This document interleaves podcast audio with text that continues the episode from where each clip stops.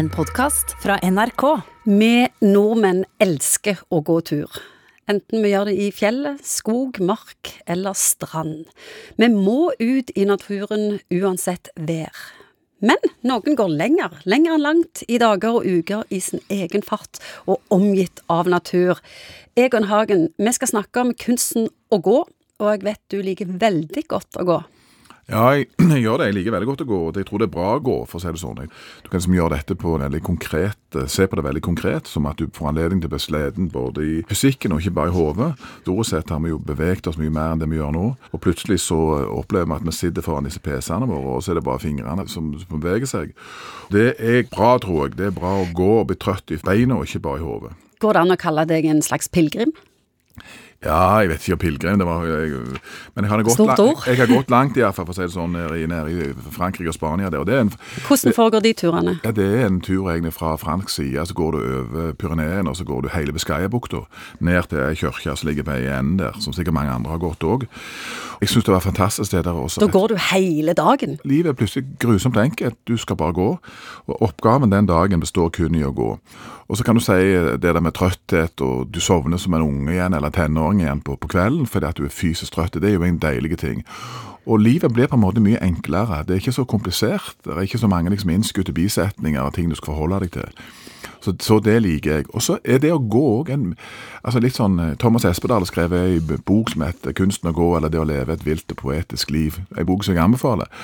Det handler litt om det, og du, når du går, så går du òg vekk fra noen. Du, du lager en distanse til ting. Du får kanskje en, en avstand til det alminnelige, trivielle livet ditt. Og, og kanskje òg ideen om å komme fram og, og bli noe annet. At det skal skje noe med deg. Så det handler helt klart om mer enn å gå. Jeg tror det. Jeg tror det er litt den der eh, gå fra noe, bli en annen. altså Litt en ny start, på en måte. Og så vil, jo sikkert mange oppleve at eh, nissen blir med på flyttelass. Det, det er grenser hvor forandrer det når du kommer fram.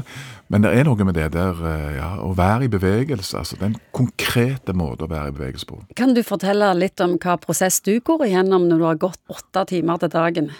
Ja, Da er livet veldig enkelt. Da er du opptatt av hvordan det er med beina dine, og så er du opptatt av selvfølgelig hva du har sett, og sånn som det er når du har gått. Få tilstrekkelig søvn og få noe mat i deg. Er det transe du går i da, eller Nei, ikke, tenker jeg ikke- du på ting? Nei, vi, er jo, vi er jo forskjellige. Noen har jo sikkert også en religiøs opplevelse i forhold til å gå der nede.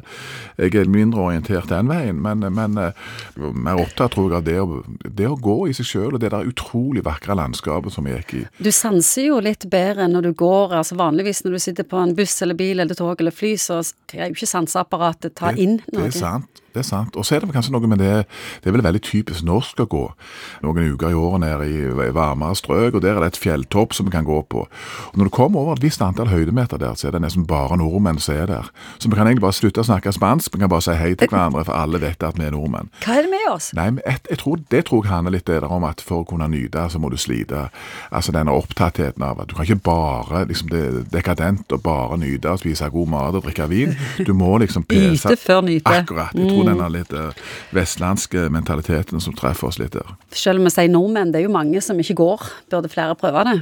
Ja, det er en fantastisk måte å bevege seg på. Og så tror jeg at du unngår mange av disse belastningsting og alt dette. Jogging er jo litt mer krevende. Og skadelig? Ja, det var en som sa det til meg, at hvis du begynner dagen med å jogge, så skjer det ikke noe verre den dagen. jeg vet ikke, jeg. Du har hørt en podkast fra NRK. Hør flere podkaster og din NRK-kanal i appen NRK Radio.